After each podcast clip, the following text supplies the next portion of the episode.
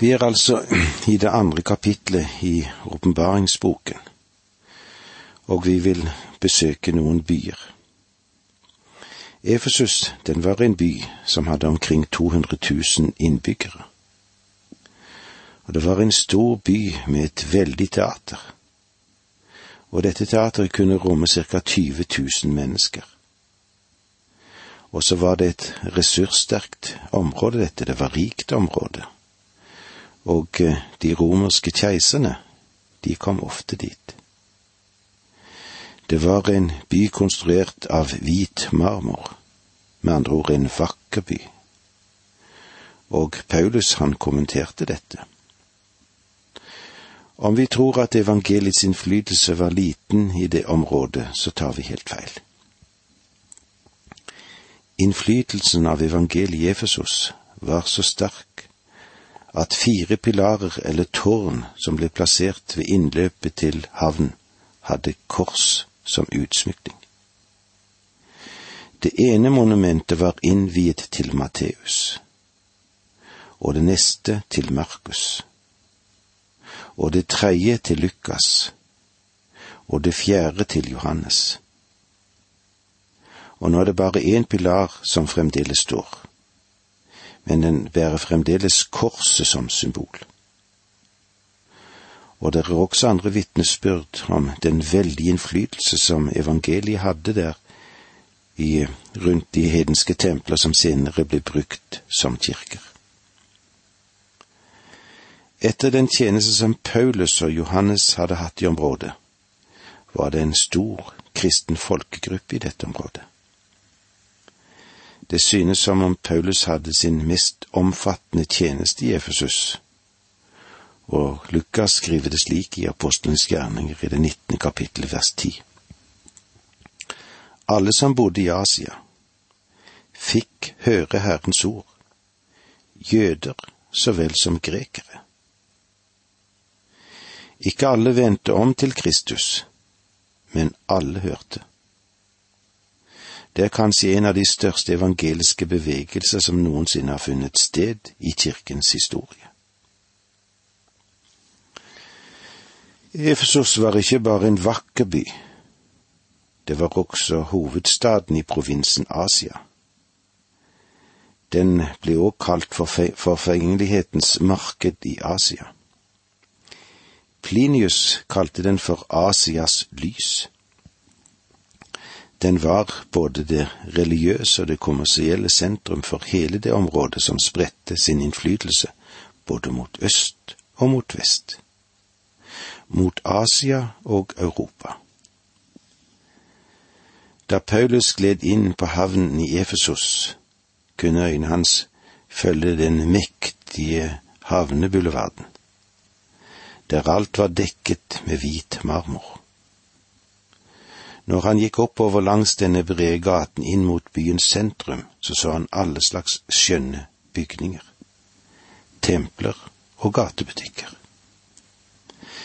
Til høyre når han gikk opp denne brede havnegata, lå det et stort marked framfor han. Ved foten av et fjell lå det et teater, og som jeg sa, det rommet 20 000 mennesker. Lenger borte mot venstre var det et stort amfiteater som rommet mer enn hundre tusen mennesker. Til tider var det så mange som mer enn en million mennesker samlet i Efesos. Det var her Paulus hadde sin største misjonsvirksomhet. Og det var her Johannes senere ble pastor eller leder for menigheten. Denne byen ble først bygget rundt Diana-tempelet som ble tilbedt av folk i Anatolia. Det første tempelet var en trekonstruksjon, bygget ganske lavt nær havet. Faktisk ble deler av bygningen oversvømmet til visse tider. Gjennom tiden var det også to elver i området som førte med seg så mye slam at på Alexander den stores tid var tempelbygningen nesten dekket. Da Alexander erobret byen, får jeg legge til her at templene brente ned den natten da Alexander ble født. Så overlot han den til en av sine generaler, Lysimakos.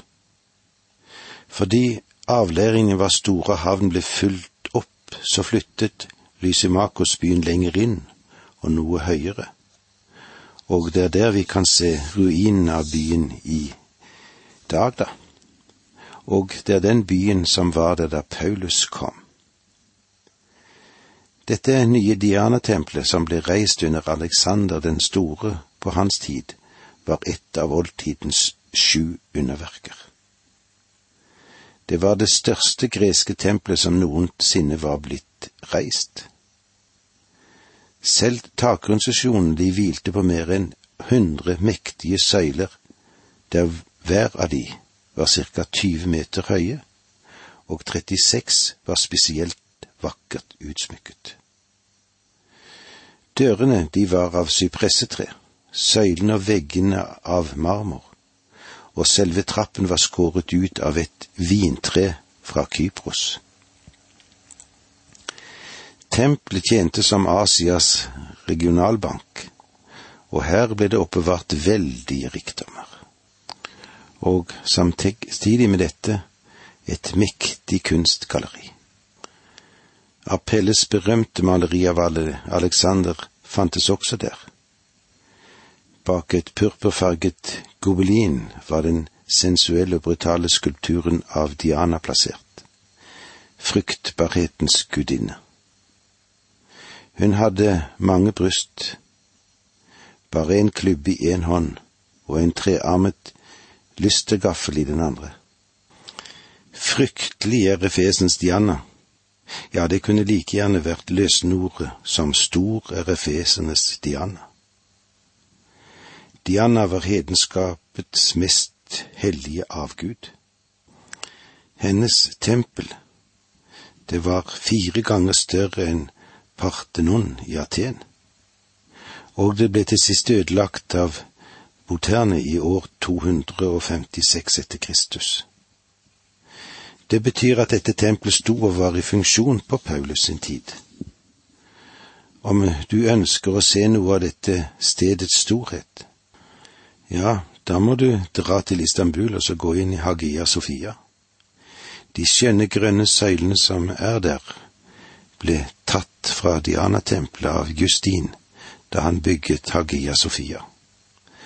Og bare se, disse søylene kan gi oss en oppfatning av både skjønnheten og storheten som var i Diana-tempelet. Men rundt Diana-tempelet så foregikk de groveste former for umoral. Hun ble kanskje tilbedt av flere mennesker enn noen annen avgud. Tilbederen henga seg til de mest perverse religiøse riter og seksuelle karakterer, det villeste baknale orgier noen kan forestille seg. Og utover i riket ble tilbedelsen av Diana ensbetydende med seksuelle orgier, og navnet ble endret fra Diana til Sibylla. Paulus kom så til Efesos på sin tredje misjonsreise for å begynne sin gjerning der. I to år ble Guds ord spredt fra Tyrannus' sin skole. Om sine erfaringer så skrev Paulus slik i første Korinterbrev 16,9. Her har det åpnet seg en stor dør for rik virksomhet, og det er mange motstandere. Senere så kom altså Johannes, kjærlighetens apostel og tordens sønn, til Efesos som menighetsleder. Han ble fengslet, og han ble ført til Patmos. Men etter ti års fangenskap ble han sluppet fri, og vendte så tilbake til Efesos, og senere ble begravet i Johannes basilikan, som er reist på det høyeste punkt som vi finner i dette området. Men eh, nå har tiden gått fra oss, og det var så langt vi kom i dag. Neste gang vi møtes, vil vi se på Kristi brev til menigheten i Efesos. Takk for nå, må Gud være med deg. Dette undervisningsprogrammet består av to deler. Åge Nevland fortsetter nå med andre del av dagens undervisning. Vi er kommet til eh, det andre kapittelet i Johannes' åpenbaring, og eh, vi har vært innom litt av det som byen Efesos hadde å si og gi, og nå vil vi se Kristi brev til menighetene i Efesos. Den Herre Jesus taler her om en menighet som står midt i en krass materialisme. En skremmende menneskeforståelse og en brutal, mørk hedendom. Legg merke til dette, for jeg ser på dette budskapet som et av de viktigste. Og da vil vi lese sammen det første verset i kapittel to. Skriv til engelen for menigheten i Efesos.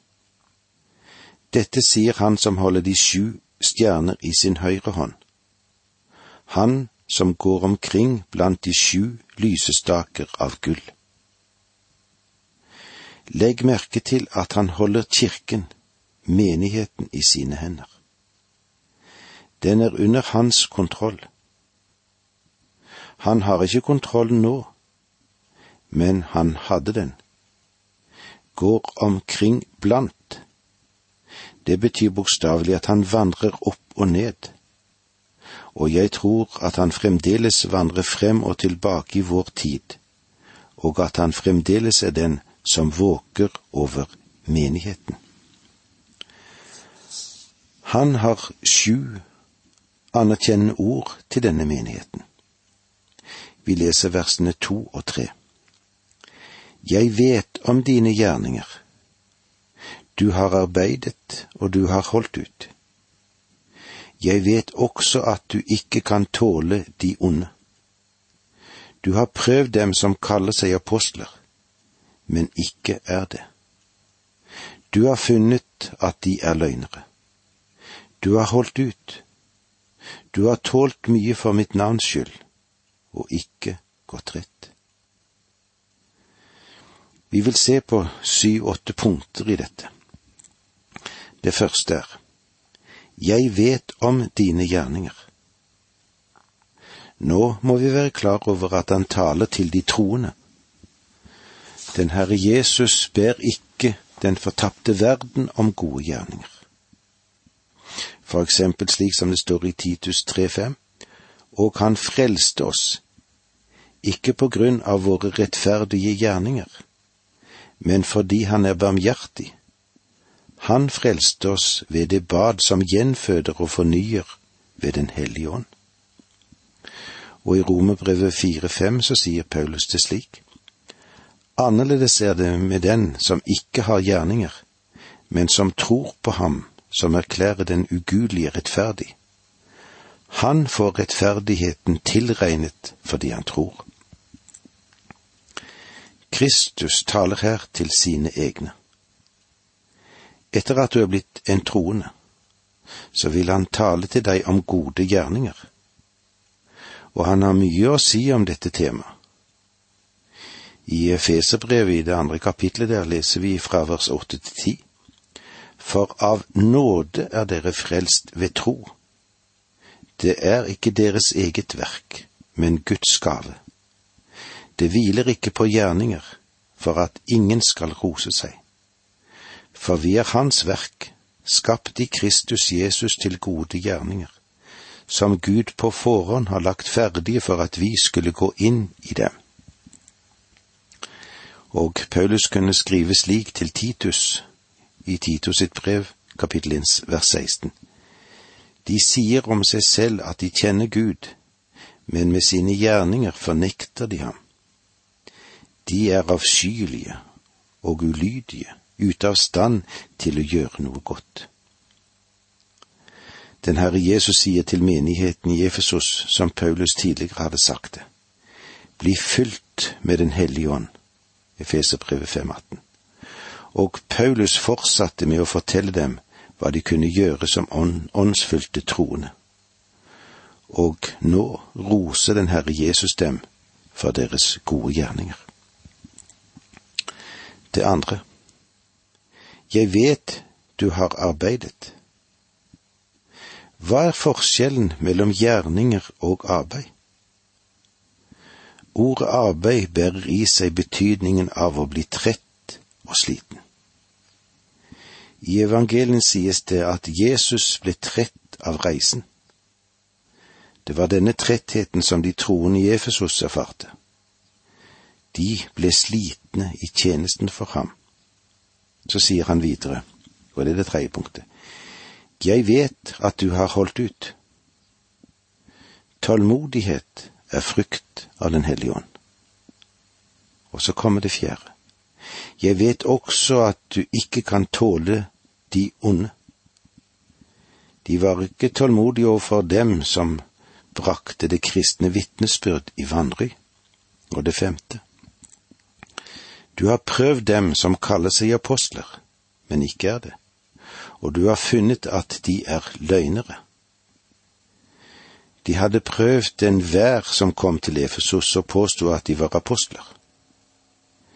De ville sikkert spørre dem om de hadde sett den oppstandende Kristus, og de fant snart ut om de var apostler eller ikke. Om de ikke var det, så ba de dem om forlate byen. Den Herre Jesus roste dem fordi de hadde prøvd dem, og jeg føler at det er et like stort behov i dag som det noensinne har vært. Så kommer det sjette punktet i disse versene vi leste. Du har tålt mye for mitt navns skyld og ikke gått trett. For hans navns skyld bar de korset.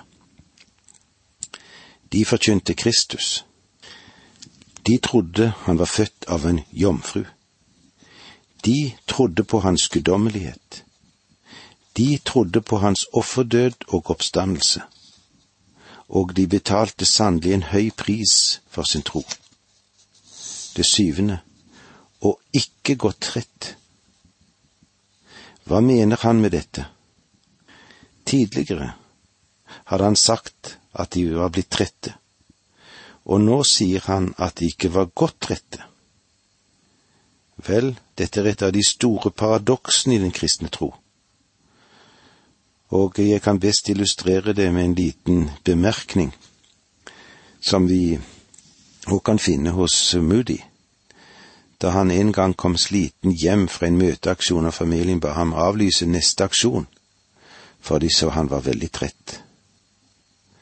Da svarte han dem. Jeg blir trett i gjerningen men ikke av gjerningen. La meg få lov å gjenta det.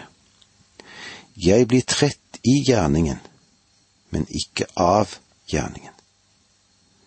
Og det er stor forskjell på det. Selvfølgelig kan vi bli slitne av å være i aktivitet, men det er tragisk om du blir sliten av å gjøre Kristi gjerning.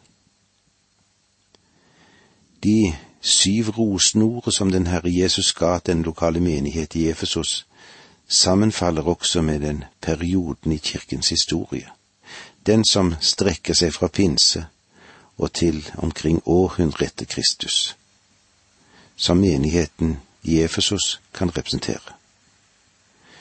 Nå kommer han så med de refsende ordene i vers fire. Men dette har jeg imot deg at du har forlatt din første kjærlighet. De hadde mistet den intense og entusiastiske hengivelse til Kristus. Det er vanskelig for oss å fullstendig forstå den veksten som Den hellige ånd hadde gitt denne menigheten. Han hadde ført de troende i Efesos til et nært og personlig fellesskap med Jesus Kristus. Han hadde ført dem til det punkt der de i sannhet kunne si til Herren, Vi elsker deg. Dette kan synes så uviktig for oss i dag, men deres kjærlighet til Kristus var viktig for ham. Han sa til efeserne, Dere har forlatt den beste delen av kjærligheten.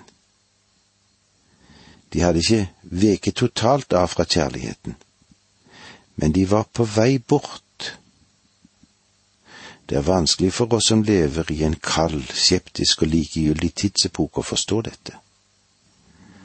Verden har jo grepet så sterkt inn i dagens menigheter at det er vanskelig å forestille seg den intense og entusiastiske hengivenhet som fantes i den første menighet, slik som de virket for sin herre og mester. Den første menighet vek av fra sporet. Ikke når det gjaldt lære, men når det gjaldt deres personlige forhold til Jesus.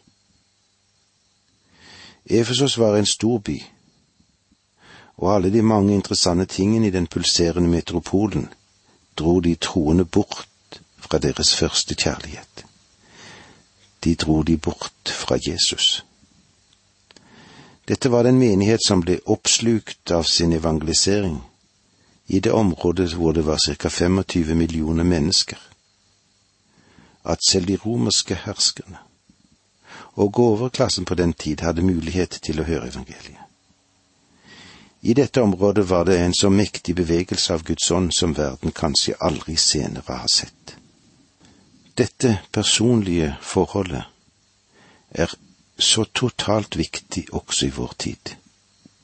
Vet du, vi blir så opptatt og grepet av metoder og måter vi kan gjøre ting på, at vi har en tendens til å glemme at det viktigste aktivum som vi har, det er kjærligheten til Jesus.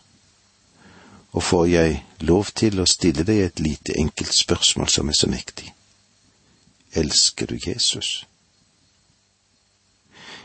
Jeg er ikke så opptatt av hvilke systemer du fungerer innenfor, eller hvilket kirkesamfunn du tilhører, hvilket program dere har i de første halve året, eller hvilke regler dere har. For ingenting av dette er noe å tenke på hvis du ikke elsker ham. Selv om noen av systemene er bedre enn andre, så er det slik at de fleste systemer vil fungere om kjærligheten til Jesus sitter i høysetet. Et nært fellesskap med Jesus vil gjøre alle dine forhold til andre mennesker og hele din kristne tjeneste til glede. Og med disse ord sier vi takk for nå, må Gud være med deg.